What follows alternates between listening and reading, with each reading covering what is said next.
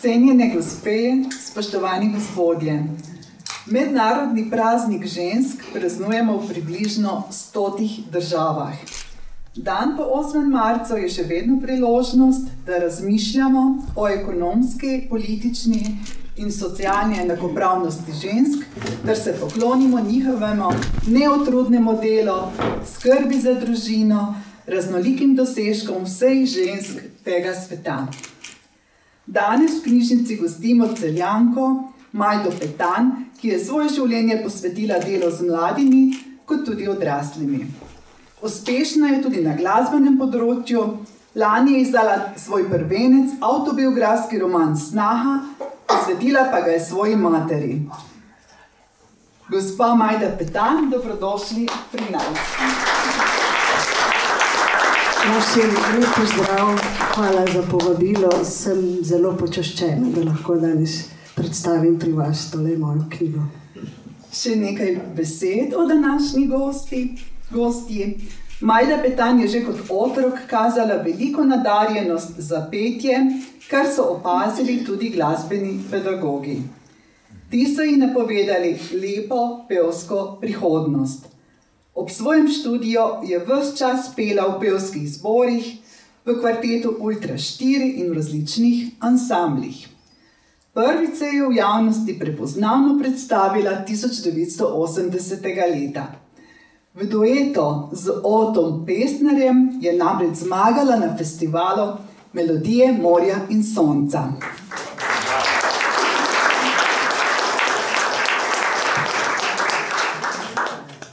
Pozneje, ko jo je prevzela črnska duhovna glasba, njen soprog Marjan Petan je namreč basist pri legendarnem New Swing kvartetu, danes je tudi z nami, ga pozdravljamo.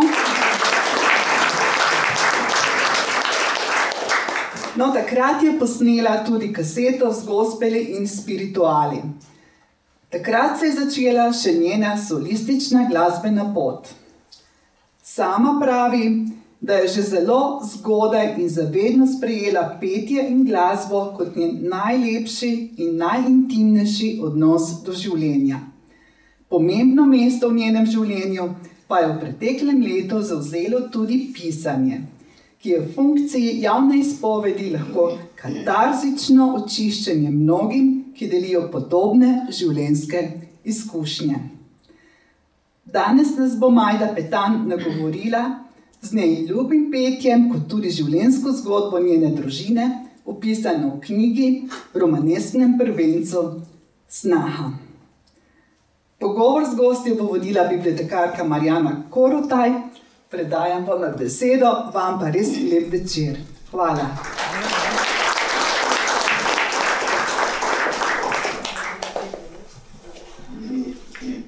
pozdrav še z moje strani, tudi vam, gospod Majda, še enkrat lepo pozdravljeni. Upam, da se počutite prijetno v naši knjižnici. Zelo prijetno, ker tudi vas je kar dost prišlo se pogledati, kaj se bo zgodilo. Danes smo tukaj se zbrali, da bomo spregovorili o vašem romanu, ki nosi naslov Snaha. Takoj uh, po Naslov romana, seveda, vemo, nam da slutiti, da bo uh, zgodba začinjena uh, v negativnem smislu, tako kot smo vajeni pregovoru o snahah in taščah.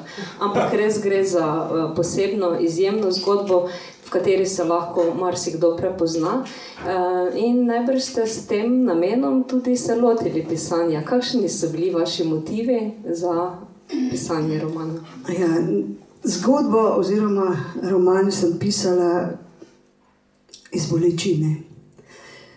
Zelo me je prizadelo, kaj se je naši družini zgodilo, ko je najmlajšega brata odpeljala gospa, ki ni razumela, kaj pomenijo dobri odnosi.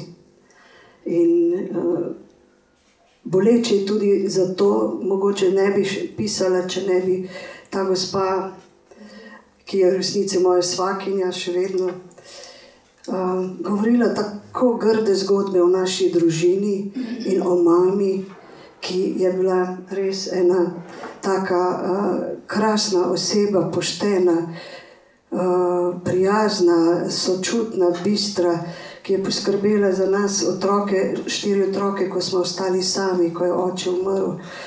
In ta ženska potem govori take grde stvari o nas.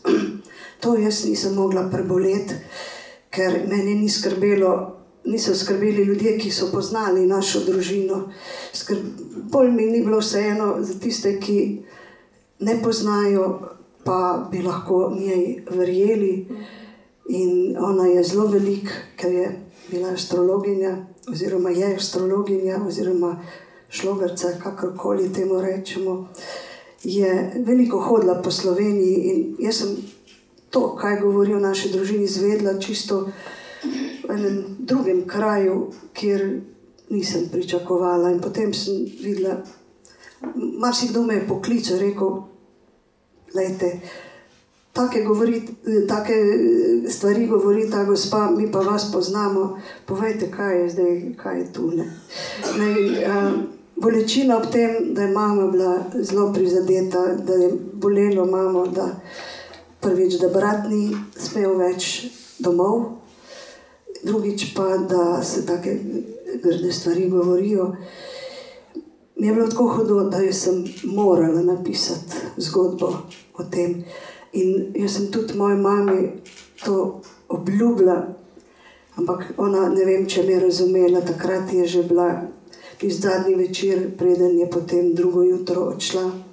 Sem jaz um, ji obljubila sama sebi, v bistvu, da bom napisala zgodbo. In da če bo le kdo, ki je slišal kaj slabega, da bo vedel, da to ni res, kar se govori. Pa bomo šli postopoma, korak po korak, skozi zgodbo Romana Snaha. Kot ste omenili na začetku, uh, ste obljubili materi na njeni smrtni posteli, da boste zapisali njeno knjigo. In tako tudi nekako uvodoma uh, se knjiga začne, roman v tem delu, v materini starosti. Uh, slovesu, njenem, kako se poslavlja. Slovesu. Uh, Vsi se soočamo v življenju z staranjem, z umiranjem, in v današnji do, družbi je nekako to staranje odrinjeno na rob družbe, kar radi zapiramo za stene domov za ostarelih. Le redko kdo se s staranjem, z umiranjem eh, srečuje doma. Eh, kako je pri vas potekalo to proces? Eh, z mamo ste najprej skrbeli doma, mm, ja, potem pa je prišlo trenutek odločitve, ko ste se odločili, da ne zmorete več, da boste dali ja. dom. S kakšnimi občutki ste se takrat soočali? Uh, moram to povedati, da moja mama je imela 61 let delovne dobe. V bistvu je bila zelo aktivna, računovodkinja je bila po poklicu in to, tudi, to je bil tudi njen hobi, tako rada je to delala. Uh, na zadnje je bila svetovalka v enem podjetju. In uh, ta demenca je prišla zelo nenadoma, ker mi smo mislili, da bo ona živela sto let, najmanj, ker je imela toliko volje in toliko uh, življenja v sebi. Potem je, je pa nenadoma prišla neka depresija, huda naenkrat. Mislim, da je to pripomoglo tudi ta situacija uh, v zvezi z bratom, mla, najmlajšim. In da je In je v pol leta, pol leta te eh, um, demence, pa je bilo konec. Ne?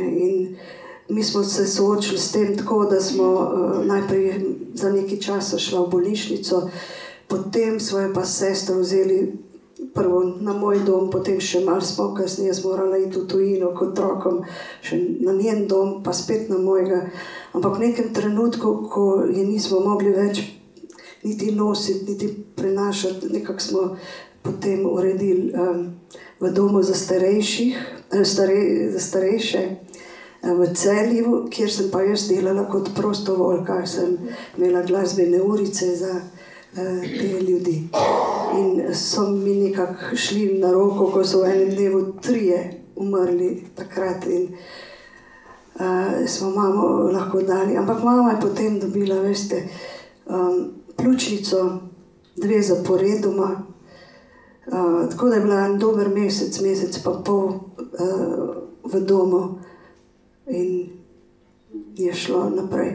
Uh, s tem, da nam pa tale snahane očita, da smo jo mi vrgli v nekam v en dom, pa da smo jo postili, pa da se noben ni brigal za, za njo.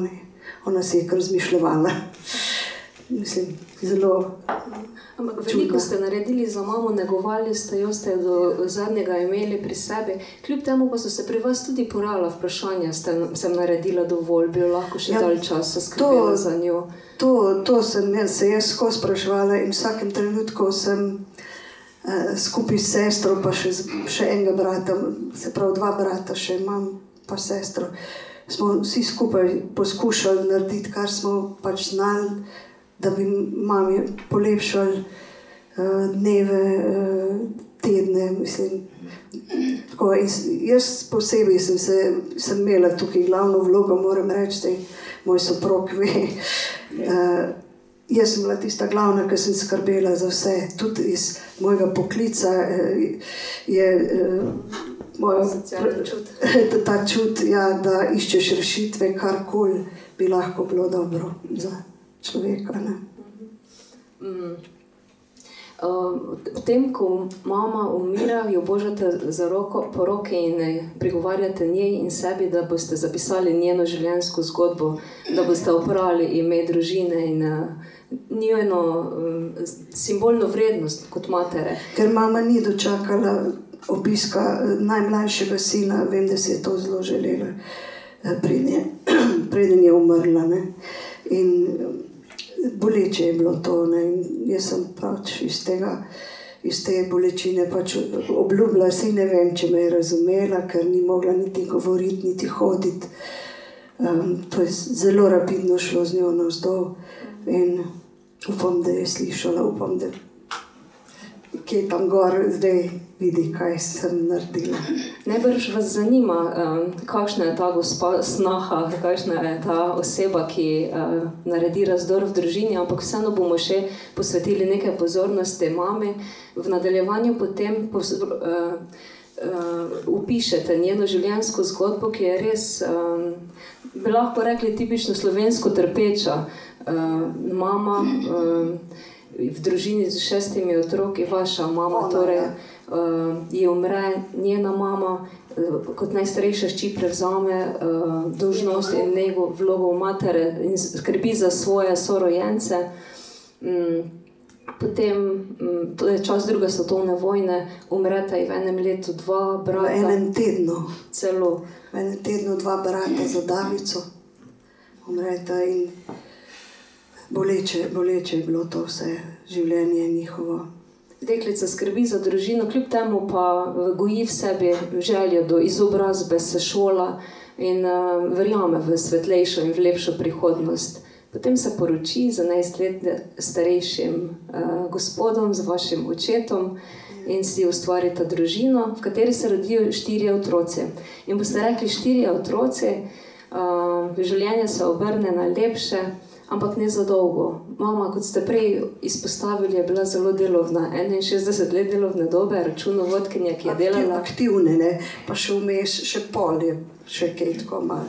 Bi rekli, da življenje zna biti zelo mm, nepravično in nepošteno, da tako marljivega človeka, tako marljivo žensko um, zaustavi z kruto boleznijo. Pri, mislim, da Pri očetu, ja. najprej je mama, ne zbolela. Najprej mama, ja.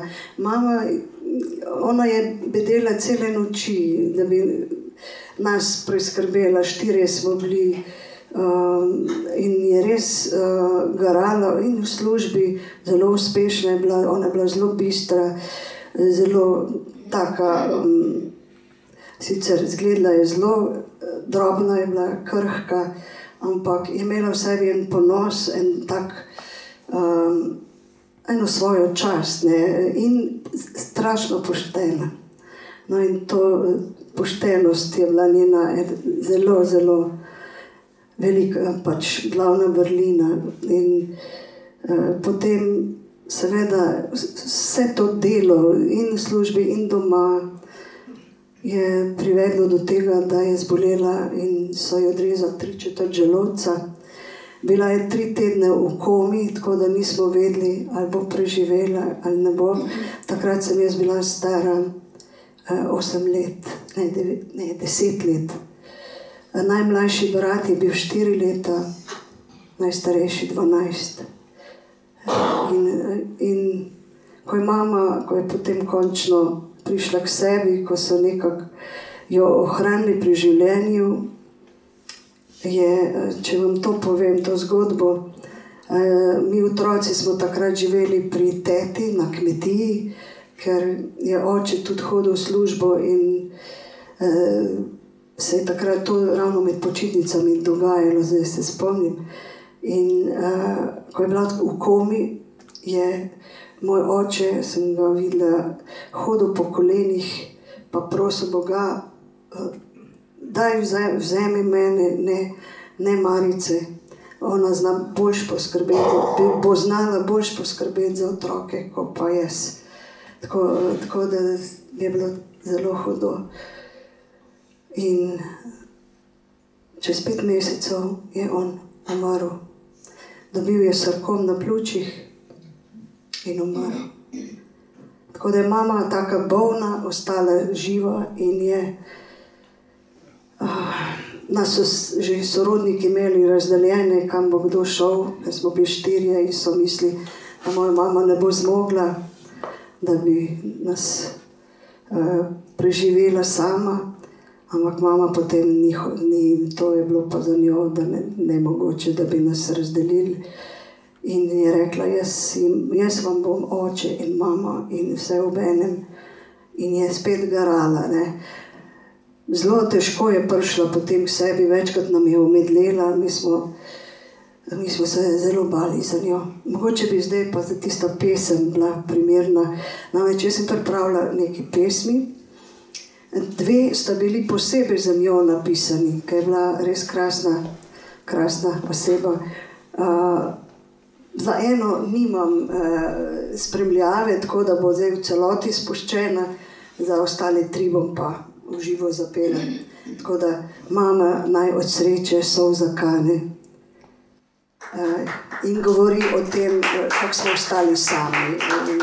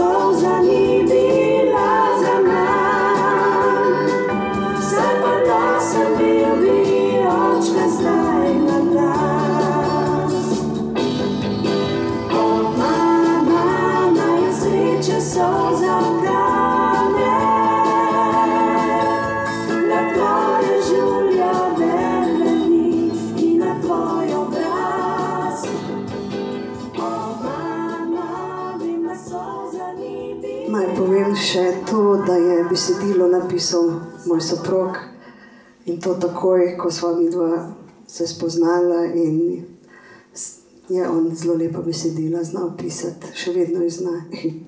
Hvala, Marjan.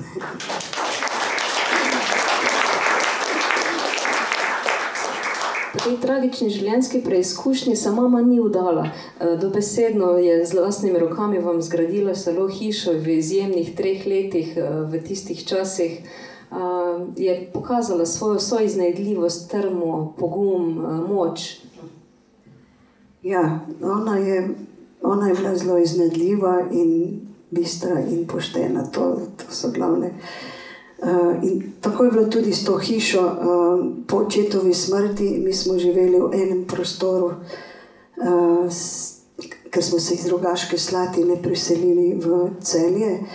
In to je bilo eno skladišče, pravzaprav od podjetja, kjer je ona dobila službo. In je bilo v enem prostoru in kuhinja, in spalnica, in dnevna soba.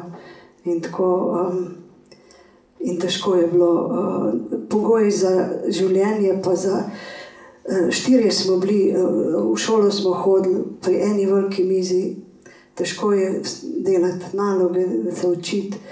Tako da, uh, da je ona rekla, moramo imeti. Um, bivališče primerno. In takrat je ravno pri zadrugi, kot se jaz spomnim, so bile te neke možnosti, tako lažje, da se je se prišlo do hiše in do, tudi do kredita. Tako da je je potem vse vse je vodila, vso gradnjo, nikjer ni upala povedati, da nima moža, ker uh, niso to uh, sprejemali dobro, da to je moral moški, kaj bo ena taka drobna ženska. Tako da je vedno rekla, ja, mož, mož zelo nima časa, pa sem jaz prišla to naročiti, pa karkoli. In, uh, bili ste deležni uh, toplega doma, brezpogojne ljubezni, njene podpore. Uh, vsi štirje otroci ste se izšolali in si počasi ustvarjali svoje družine.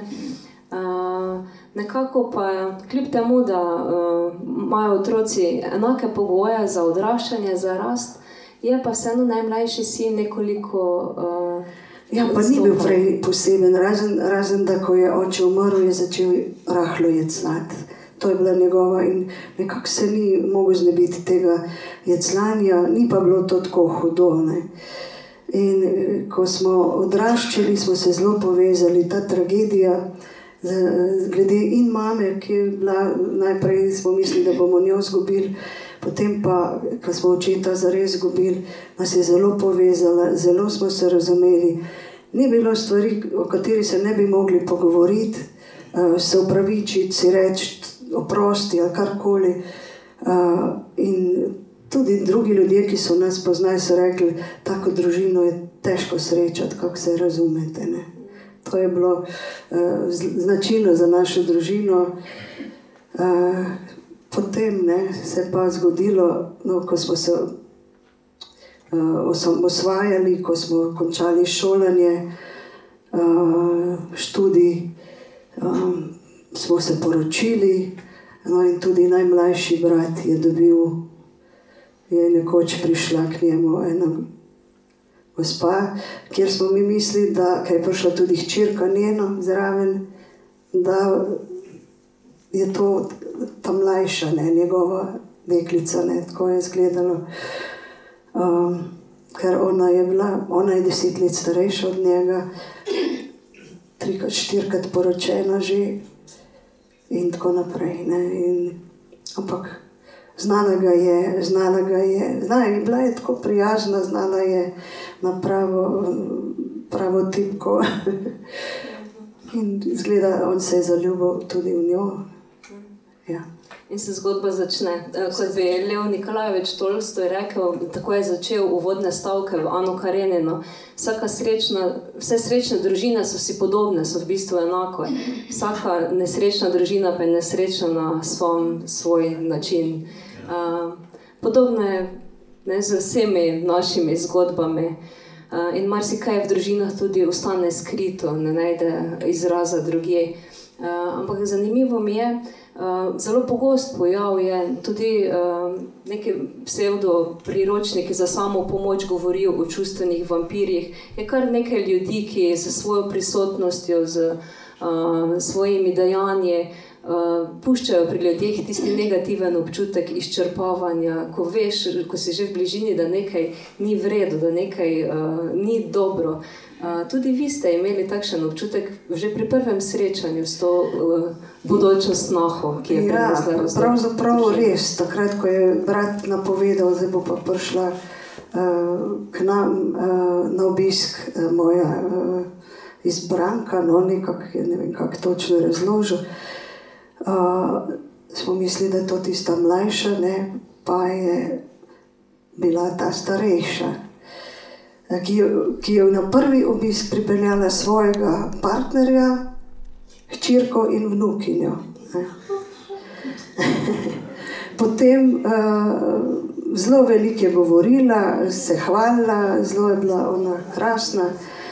Um, ampak potem obiski so še bili, pol naenkrat je pa prišla uh, samo ona. Ne? Mi smo mislili, da bo hčera, je prišla pa ona. In to je bilo spet pogovor, in jaz. Jaz sem, tako, jaz sem delala na psihiatriji, najprej prva služba moja je bila na psihiatriji v Ljubljani. In hvala se je, še pa še, samo ona, svetovni direktor, mislim, tako megalomansko izražanje, eh, da takoj veš, da nekaj ni v redu. Govorila je samo ona, mi skoraj nismo prišli do besede, ravno tako brat. Eh, ampak očitno on, ki je malo je slav, je imel malo to, zdaj ona pa se njega ima tako rada, ne? zelo rada in uh, mu je bilo to všeč, uh, očitno. No. Ampak jaz sem takoj vedela, že ta izkušnja, ko sem imela s psihiatrije, da ta, ta ženska je pa posebna. Uh, in tudi, smo, ko smo se pogovarjali, ko je odšla iz tega obiska, smo se z mamo menili. Re, je rekla, uh, tak človek je zna pretirano hvaliti. To je tisto, ko že ni, ko je že sladkobno, ko te že mal uh, peče od sladkobe. Uh, tak človek je lahko tudi skrajno negativen, ker tudi je znala o drugih ljudeh govoriti zelo slabo, zelo grde stvari. Tako da smo rekli, da uh, zdaj govori o drugih, tako nekoč bo pa o, o našem bratu ne, govorila take vrne stvari. Tako da jaz, um, jaz njo pričitala v bistvu, v bistvu že prvič, no, ampak dale si čas, da, da vidim, če je kaj drugače, pa ni bilo so v vas, v vaših mm, sorojencih pri mami utripale luči, da mu treba pomagati, da ga treba rešiti stran iz takega odnosa, ali ste prepustili? Zdaj, v prvem trenutku smo mi bili veseli, da je on našel ljubezen, ne? da, je, da je vesel, da je našel nekoga, ki ga ima rad. Uh, ampak um, potem, ko je povedal, da se bo preselil k njej, da ga ona vabi k sebi. Uh, sem pa mu želela reči, da, da naj premisli, naj še malo počaka. Uh, ni, ni, mi, ni mi uspelo, rekla sem, da sam se moraš odločiti, ti boš z njo živel. Ne? Pa upala sem, da bo spoznal in da bo vedel, kaj narediti, če mu ne bo odgovarjalo. Ne? In tudi mi vsi smo se potem, ker je ona njega začela, ko je se odselil je začela ga, ni smel več domov, oziroma je vedno bila ona z njim. Eh, če, smo ga poklicali, je mu telefon iz roke vzela, je ona naprej govorila. Tako da uh, smo videli, kam, kam gre stvar. Potem so pa stvari šle samo še dol, dol in dol. Ne? Eh, brata je mm, zmanipulirala, ne, dobesedno. Uh, Ja, ja eh, brat, eh, prvo, kar sem opazila, je, da se je brat nas začel bati. Na nek način nič ni upal se pogovarjati, kar nekako tresel se je, ker pa iz njenega govorjenja videla, da ona rada ljudi zastraši s tem, kar je ona govorila, da ona vse ve, ker je uh, jasnovidna in astrologinja, ona vse ve in ne moreš njej pobegniti. In ti je učitela kakšno tako stvar, kot ti ne bi na, na misel prišlo. Uh, in je uh, v glavnem, kako ste mi že rekli, da ne povem. Uh, da je v bistvu uh, prevzela vaje ja, ja, on ni upal, on ni upal, ni upal potem več domov, sam sploh ne, ker ga je očitno ga je zastra, z nečim zastrašila. Ne. Uh, ona je tudi recimo nekomu rekla, oziroma moja mama je rekla, uh, da naj bo vesela, da se še pogovarja z njo, ker je v prejšnjem življenju ona bila njen mož in ta moja mama bi naj jo ubila. In zdaj, bo, zdaj v tem življenju vesela, da se ona sploh pogovarja z njo. Mislim pa vidiš, da, da tukaj neki ni. Ne. Take čudne stvari. Uh, jaz bi pa vseeno rada, zdaj, ker bomo šli na druge teme, uh, zapela to pesem, ki smo jo za mamo napisali, uh, Marjan, spet, uh, mama tebi za rojstni dan. Uh,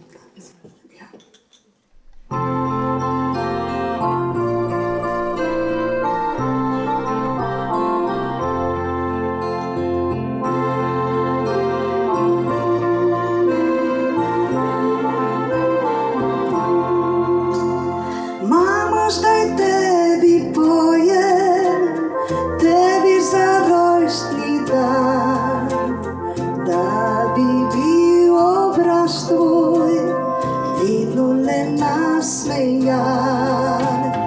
Mama, zdaj tebi pojem, prej mi ta šopek rož, spis mi jo v srcu, z mano še dolgo boš.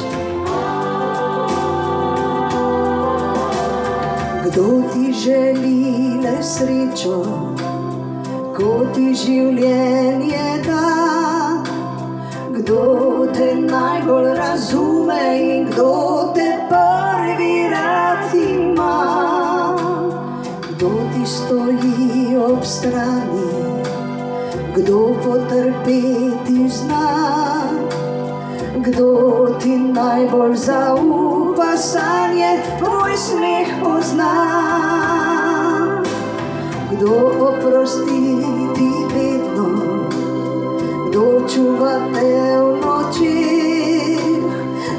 ti obrisce lice, posso usare voce.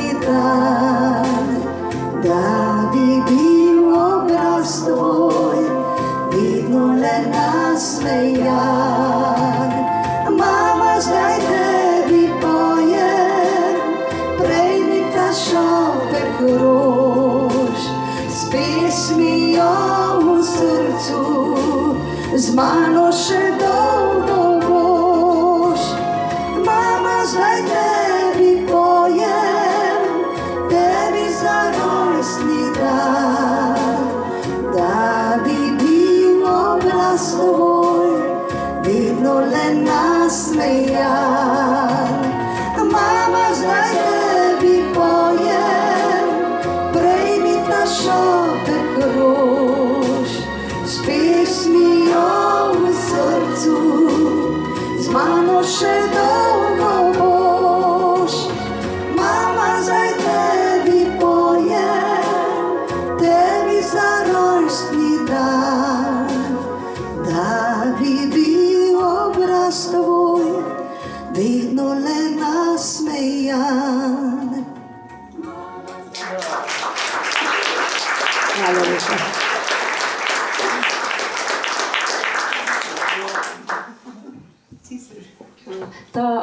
Astrologinja Žana Snaha, ta uh, čustveni vampir oziroma uh, nezdrava patološka osebnost, uh, je v bistvu želela um, razdrti vašo povezanost, vašo družino in uh, skoraj bi uspela, kaj ne da. Mislim, da ne bi, ampak uh, je pa bilo zelo tako, smo bili. Naenkrat smo postali vsi zelo nervozni, nekako tudi en do drugega tudi ko nje ni bilo potem več zraven. In uh, smo ugotovili, jaz sem ugotovila, da je mene, kako bi rekla, lepo šuftala proti možu, njega proti meni, uh, sestro in njega moža, enega proti drugemu, in tako naprej. Nihče ni bil pravi za drugega, tako ravno razdor. In, uh, jaz sem ugotovila, da je njen moto deli in vladaj, ne pravijo. Ne? In ko razdeliš, potem uh, lažje vplivaš na uh, vsakega. Ne? Na tak način uh, mi nismo bili tega navajeni, sploh se nismo bili navajeni kregati, znali smo se vse pogovoriti. Pri njej bi se pa skozi moral neki v konflikte iti, se kregati in tako naprej.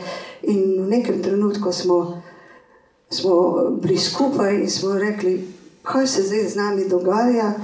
In smo vsak svoje povedali, in smo videli, kaj ona hoče. In smo rekli, ne, držali bomo skupaj, se mi ostanemo skupaj in ne bomo dopustili, da nas eh, manipulira, in tudi mamo bomo poskusili tako zaščititi, da ne bo nje, da smo ji v oporu. Ne skozi kakšne faze v bistvu človek gre, ko um, ima tesne družinske odnose s tako osebo.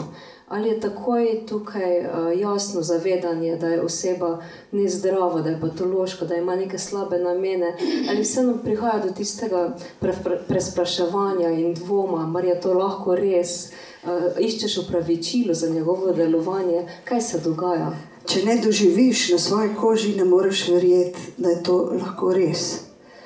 Ker eh, kar si rekel, je bilo narobe, potem ne, ko si je že več upala.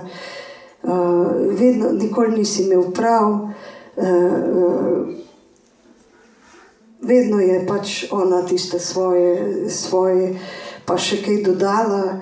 Uh, videli smo, da se lahko zmišljuje v trenutku si izmisli tisto, tisto, kar je tisti trenutek, pride prav, da bo nekoga očrnila, da bo uh, izpadel slab. Ker ona je, ona je druge črnila, zato da je sebe, ne, sebe je pa poveličevala. Ne. Uh, ne vem, če sem vam odgovorila. Še. Ja. Je bil kdaj trenutek dvoma v vas prisoten, ko bi. Ja. Mm, mi smo se trudili se z njo uh, stik, imeti dober stik uh, zaradi brata, ne, da, da bi z njim ohranili stike. Ampak kar smo poskušali, ni, ni, smo, smo rekli, da bo pa to tako, da bo njej prav, ne, ker je ona imela svoj način, kaj je za njo dobro, pa kaj ni. Pa smo mi tako kdaj rekli, kaj tako, da bi se njej približali, je pa ona kontra. Tako da smo vedeli, da ona ne želi imeti z nami dobrih odnosov, odnosov. In tudi, ko je brat odpeljala v Maribor, ne, je rekla, da bo iz njega naredila gospoda. Ampak tak bogi revež, kot je zdaj, še ni nikoli bil psihično, bom rekla. No. Ja. Um, na kakšen način ste zavarovali sebe, svoje počutje in svojo družino takrat no, uh, pred takimi negativnimi čustvenimi vplivi te snahe? Ne vem, kako bi rekla. Deset, če dalje manj je bilo stiko, mislim, da se deset let sploh nismo slišali in videli, ker nam ni dovolili. Če si poklical, je ona rekla, njega ni, od zadaj si slišal, ja, kdo pa kliče, brata, ne, njega ni.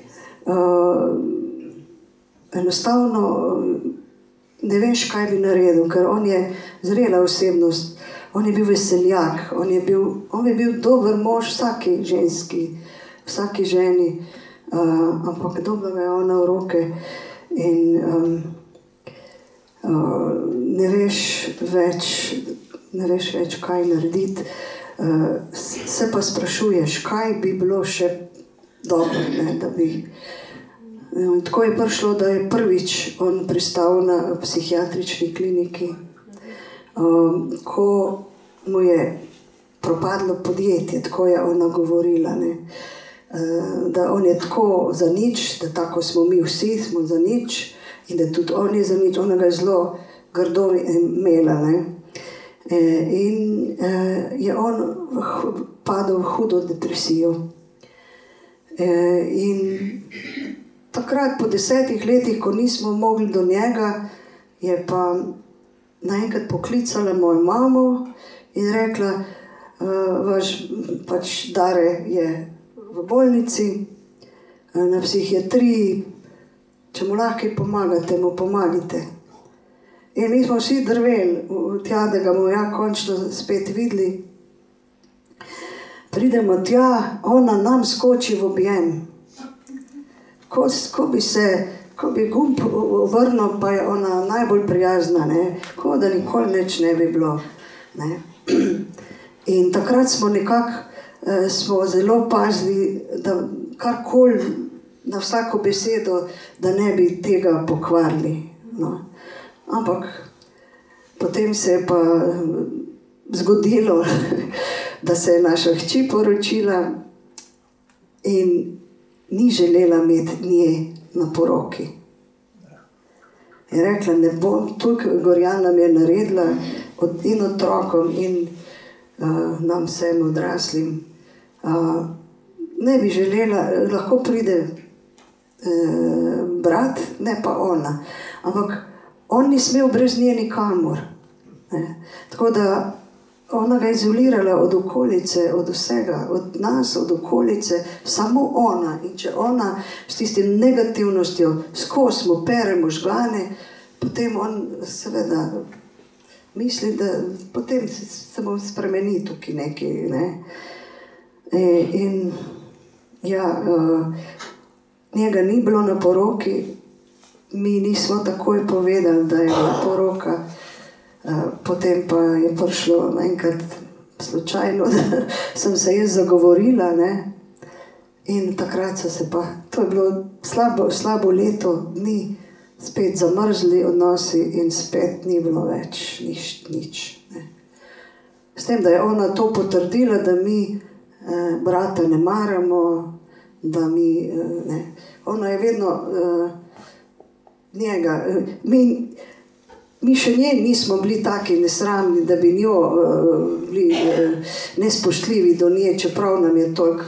Uh, mogoče še sama ne ve, kako hudo nam je bilo, pa kaj nam je naredila. Ampak um, uh, tukaj je pa uh, pač odrezala nas spet in spet se nismo dolga leta videli in slišali. Ko je brat končal v, na psihiatrični bolnišnici, ste nagojili še neko upanje, da mu bo pa psihiatrija lahko pomagala. Ja, to sem pozabila še povedati, da ko je on uh, bil prvič na psihiatriji, je moja mama pregledala vso poslovanje njegovega podjetja, uh, mu uh, reševala vse zadeve, vse mu rešila, da je prišel na pozitivno nulo, ker ne more, dolžniki niso plačali, pa on ni mogel naprej neki in tako naprej. Vse mu je preko podjetja, kjer je ona takrat bila svetovalka, uh, s kompenzacijami in s tem vse zrihtala. Uh, to je bila taka shičenost tudi z njene strani in seveda brat je se je opomogel in je prišel čisto k sebi nazaj. Mi smo mislili, da bo zdaj to, da bomo imeli skozi tako odnose dobre, ampak to ni se žal zgodilo ne, zaradi tega dogodka. Ste spoznali, uh, kako lahko pomagaš drugemu človeku v, takem, v taki situaciji? Kaj lahko kot posameznik storiš? Glede, ja, glede na to, da je ona govorila, da mi njega nimamo radi, da ga mi zaničujemo, da smo ne vem kaj, bi mu samo to želeli, radi bi imeli stike z njim, pa želeli bi mu povedati, da ga imamo radi, da, da, da, da ne moramo pozabiti, kako smo se mi vedno razumeli, pa kak, da, bi radi, da bi tudi zdaj naprej. Ne, pač. Ampak ne, ona, njemu, ona njemu tako upravlja možgane, da on misli, da smo ga zares uh, zanemarjali in to, to zdaj vidim počasi, ko čas teče, da on to misli. Ker potem, kasneje, je pa. Uh, jaz nisem, mi smo se sprijaznili s tem, da je on se odločil, pač, da bo tako živel, da bo z njo živel in bo. Življenje je ta, tako potekalo, upali smo, da je vsaj srečen, uh, mi smo se pa sprijaznili. Ampak potem, čez čas, ne, je pa mene, po kar nekaj letih, me je pa poklicala ena moja bivša sošolka, ki je že od osnovne šole nisem eh, slišala in videla, in je rekla, da je bila na vedeževanju tam in da je videla enega moškega, ki se je cel tresel, ki je bil, uh, ko mi je govoril in kako se je ta ženska drla na njega to narediti, pa to, pa to, pa za nič. Pa je tudi, uh, ga pri, mislim, v, stanovanju so imeli štiri uh, kužeke, pa šest mačk. To je povedala mi, je, da on mora z njimi spati, pa tako naprej. Take zelo težke stvari. No. In je rekla, da slabo, zelo slabo zgleda, da se boji, da si bo kaj naredil. No, in jaz sem, spet, jaz sem takrat spet začutila, da, da mu moram pomagati. Vse nisem vedela, kako ne. Da mu poveš, da ga imaš rad, da bi rad, da pride na obisk, da se, da se družimo, da, da bo vedel, da ni sam, ne? ker on je začel samomore delati. On je začel samomore delati in je spet se znašel v, uh, na psihiatriji. In uh, to je meni zelo šokiralo, ker, ker ko je ona govorila, kako sta ona dva srečna, ne, od sreče ne moreš samo moral delati, se mi zdi. Ne. In tu sem hotela kaj pomagati, pa stik navezati, pa v bolnišnici povedati, da, da ga imamo radi in uh, da ona ne govori resnične zgodbe o nas, ampak. Uh, uh, zdravniki nam niso verjeli, verjeli so njej. Mogoče bi bil čas zdaj še za eno skladbo. Uh, v tem primeru smo si mi rekli, gledajmo naprej. Uh, nič drugega ne pomaga. Ne?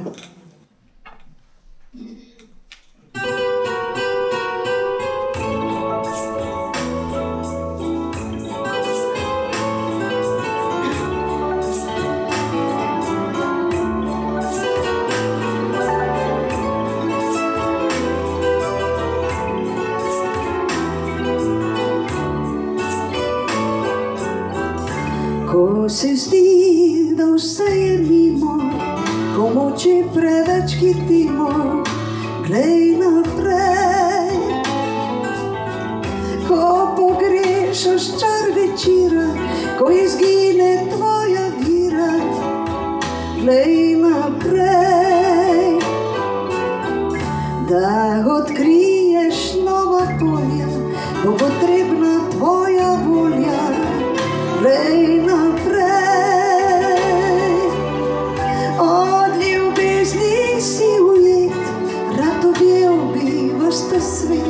svet, le pogumno glej naprej.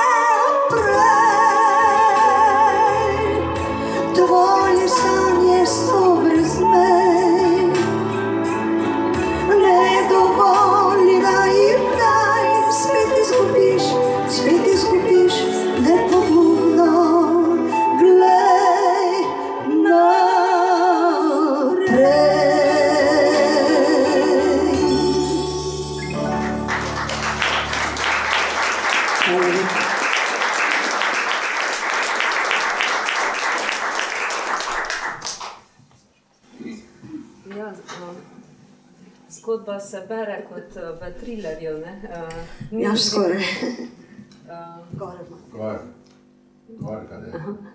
Uh, pravim, da se zgodba bere kot v kakšnem napetem trilerju, kot v kakšni uh, drami noarja, ko vse samo tone in ko posameznik je brezmočen, ko ne more spremeniti drugih ljudi, kar je značilno, kar vemo, da v življenju ne moremo spremenjati ostalih in vplivati na njih, um, ampak. Uh, Moramo spremeniti sebe, oziroma mi smo edini tisti, ki imamo moč vplivati na svoje življenje.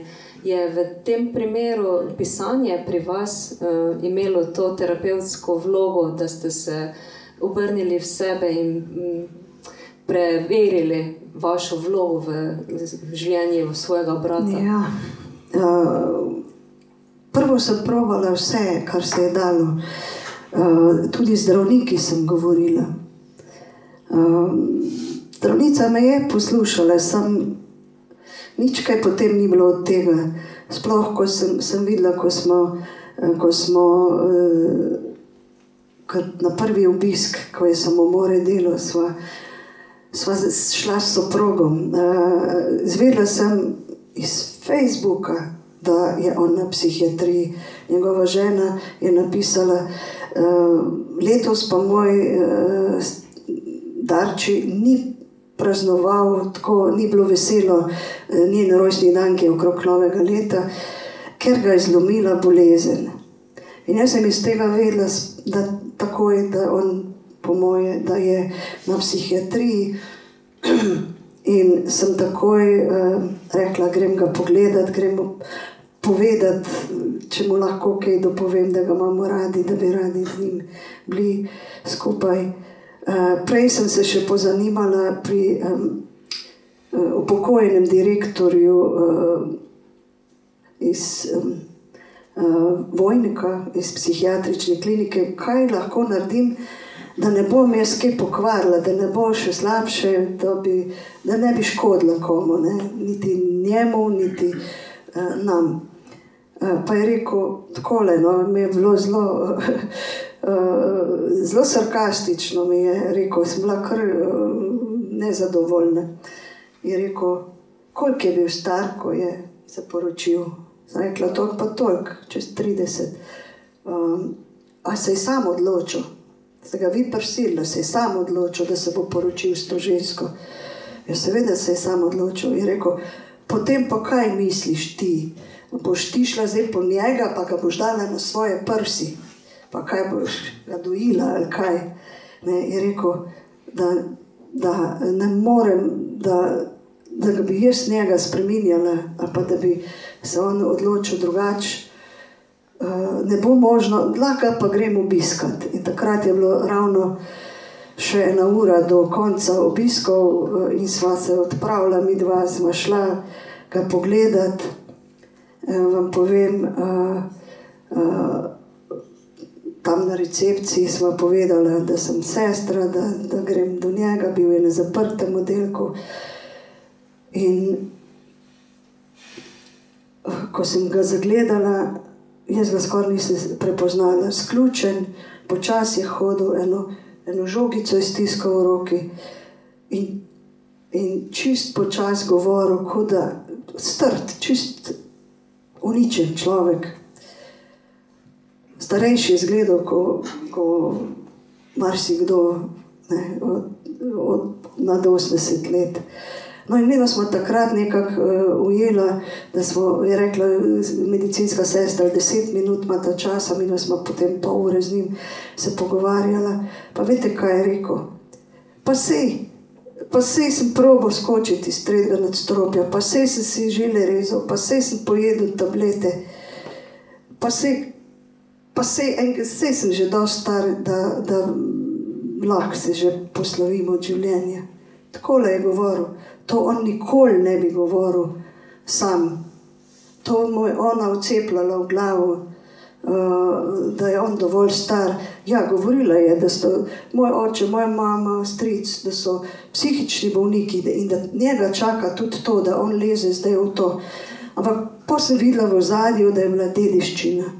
Namreč ona se je polastila njegove dediščine in je hotela, da je on opravilno nesposoben in on je psihični bolnik in tako naprej. In, uh, ko je ena moja sestrična z njo govorila, mi smo bile pa dogovorjene, da bo poizvedla, kak je z bratom, je, je rekla, ja, se je dobo uh, to dediščino, ko smo morali hišo prodati, zato ker uh, se ni dal zmeniti uh, z bratom drugače, oziroma z njo. Uh, sej, uh, sej um, je pa zginila, takrat je pa zginila. Kako bo zginila iz uh, računa? Samo ona je lahko dvignila njegov, njegovo dediščino. In tako, takoj se je pojavil nov Volvo pred, in si kupila nov Volvo. Tako da on od tiste dediščine nič ni imel. Eh, in smo videli, da je vse skupaj, in tudi so potem psihiatri potrdili, da v bistvu on ni psihični bolnik, tako klasično, ne? ampak da je to vse, vse uh, s tem, da še vedno mi ne moremo nič vplivati. Ne? Kaj pa v fazi pisanja? Uh, ja, no, uh, ko, ko sem nekako uh, videla, da tukaj ne moramo, ne moramo blizu, ne moramo mu pomagati. Zdaj, če se on tako odločil, veste, če ste slišali, zdaj pa ne vem, kako se reče. Um, um, en sindrom, uh, štokholmski, kakšen sindrom, ko potem, ko ugrabitelj ugra, pač ugrabi uh, neko žrtev, potem pa žrtev zagovarja ugrabitelja. Ne. V tem smislu se je meni to zdaj zgodilo, ker sem pomotoma uh, pritisnila številko njegovo in pomotoma sem ga dobila, ker ga nikoli prej nisem mogla. Je pa on začel govoriti, kako smo ga mi uh, zatirali. To, kar ona njemu že 30 let govori. Tako da je magija. Ona, jaz slišal smo, da se s črno magijo tudi ukvarja in tako naprej. In da neke obrede cele noči počenja, podnev pa bolj, ko ne spi. Ampak, ko ne moreš, ko vidiš, da ne moreš blizu, se moraš nekako sprijazniti, ker jaz nisem spala, jaz sem bila uh, res uh, čustveno, čist, uh, čist iz sebe. Um, res spanje, spanjem sem imela kar uh, hude probleme. Uh, in sem uh, potem rekla, da pa, pa moramo mi pustiti, kar bo, pa bo. In se je zavestno nekako poskušala od tega, pa knjigo sem začela pisati. To je bila pa ta moja neko očiščenje, moja tisto, da sem izlila iz sebe to bolečino. Da bom nekako lažje preživela. Sem pa našla to moč v sebi, ko sem knjigo, preden sem knjigo izdala, da sem tej gospe napisala pismo, v kateri sem ji v glavo povedala vse, kar ji gre. Kar, kak, tudi kako zelo laže, kako kak, ne, kar spremenja našo uh, družinsko zgodovino in kako drugim ljudem, la, mislim, tako čisto v glavo. In je bilo čisto eno. Se, prej smo se skoraj malo vsi bali. Uh, zdaj pa sem rekla, knjigo sem napisala, tole še napišem, uh, briga me. In uh, sem dobila čez dva, tri mesece, mogoče je takrat tudi knjigo prebrala, to pa ne vem, od odvetnice. Pismo, da naj se te gospe uh, uh, v petih dneh. Uh, opravičim za, za vse to, kako sem umazala njeno ime.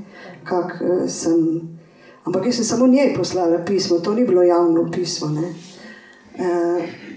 da, da sem umazala njeno ime in da e, bo zahtevala na sodišču od mene e, kazen, e, visoko denarno kazen. Ja, in, In to me je pa še bolj uh, razjezilo, in sem jaz poklicala odvetnico in sem ji povedala, da opravičilo ne pride v poštev, ker je ona sama umazala svoje ime že zdavni. In sem ji potem rekla, da, da jo prosim, če malo posluša, kaj eh, malo o tem, zakaj, eh, kakšna je naša zgodba, da je tisto, kar sem napisala, sto procentno drži sem napisala resnico in me je eno uro poslušala. In potem ni bilo iz tega nič.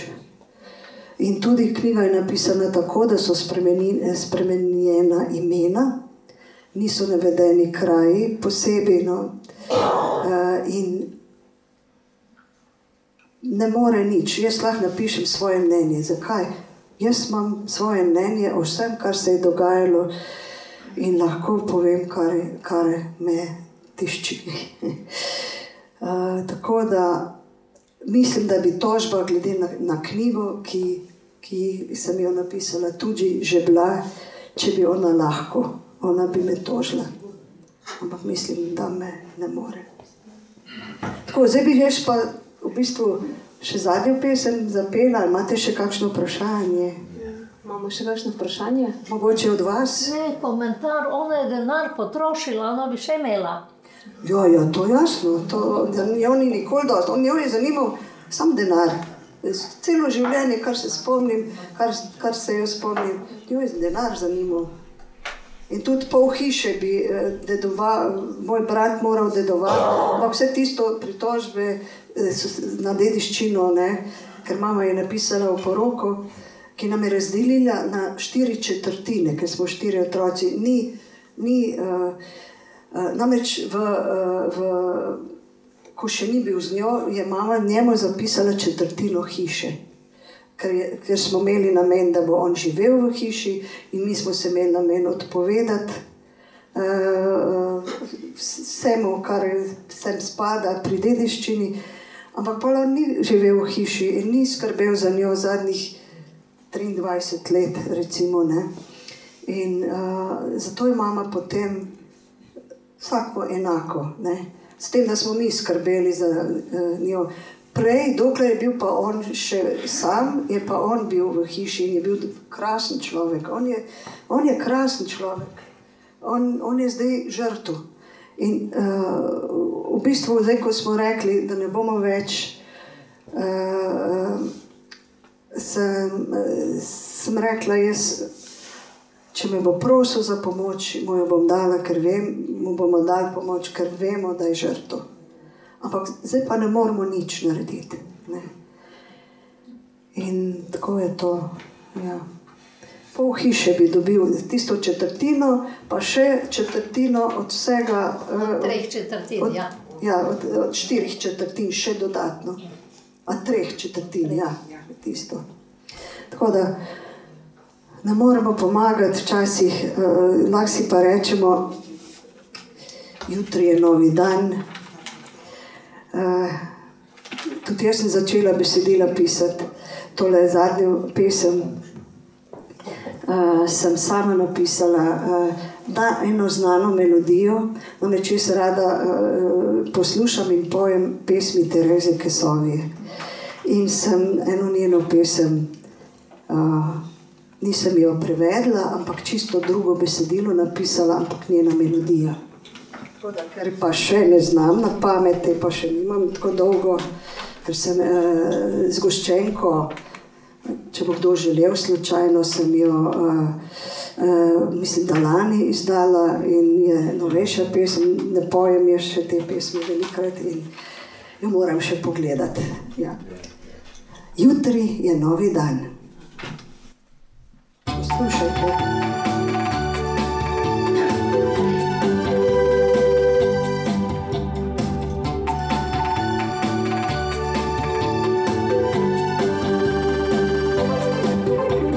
Vse, kar življenju šteje, je tvoja topla plan.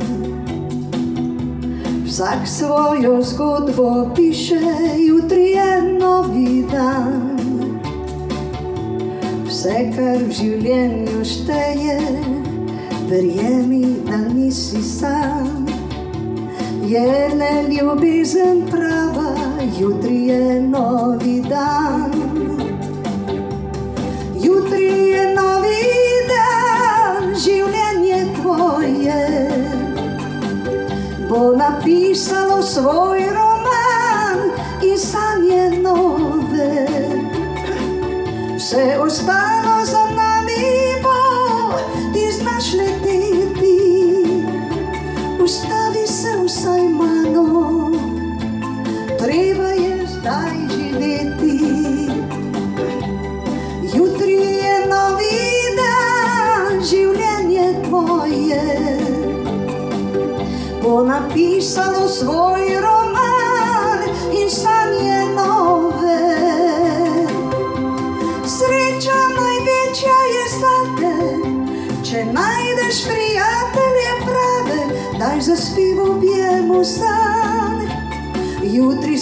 nudi dan Sreća najveća je za te.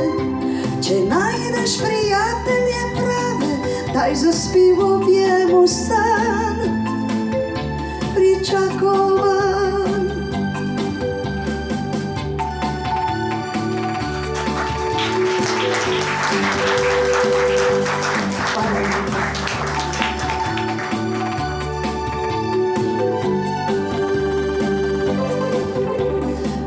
kar življenju šteje, je nasmejan obraz. Topel objem ljubezen, hitro mineva čas. Vse, kar tvoje bo jutri, imel boš, če dal boš sam. Srečo, ljubezen, sanje, jutri je novi dan. Jutri je novi dan, življenje tvoje. Bo napisalo svoj roman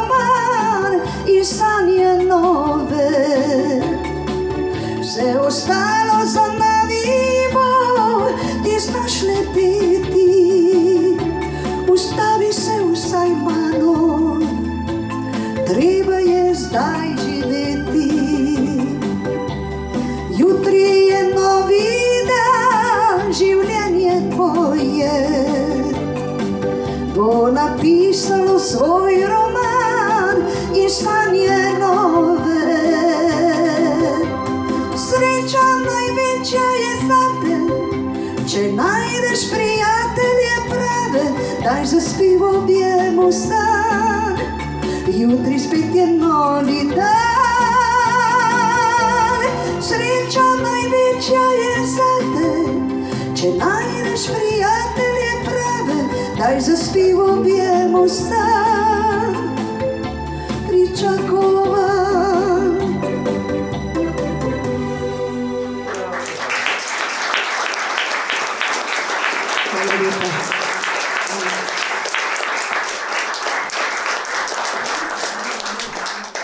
Čestitke za krasno pesem. Res je um, pravi balzam za konec takšnega literarnega večera, popotnica, si jo vzamemo lahko s seboj za danes in za vse dneve naprej.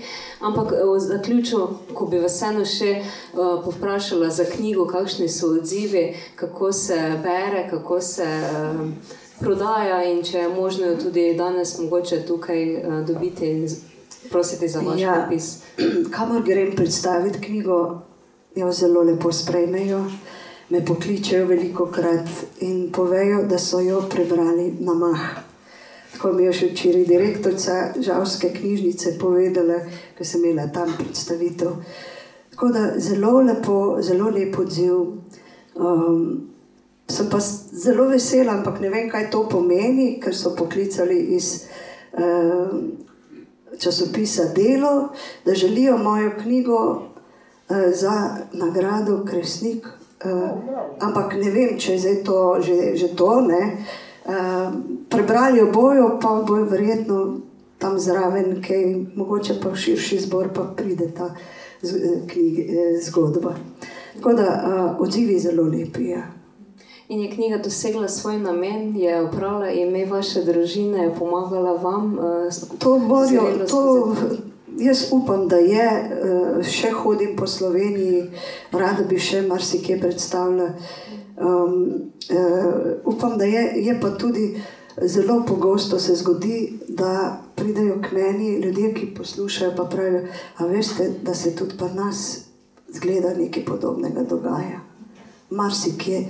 In eh, to, to je mo, mogoče, da je potreben pogum, da tole eh, napišeš in daš eh, tako javno v knjigo, v, ne, ker eh, dolgo časa o tem nismo sploh upali govoriti.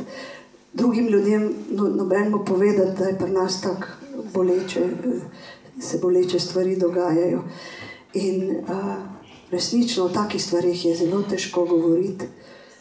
Jaz pa moram reči, da sem si upala in upam, da je tam gor moja mama, mogoče ponosna, da sem jo to za njo, ker ona je bila zelo ponosna na nas, na nas štiri otroke. Kaj pa zdaj to pomeni, Marjan?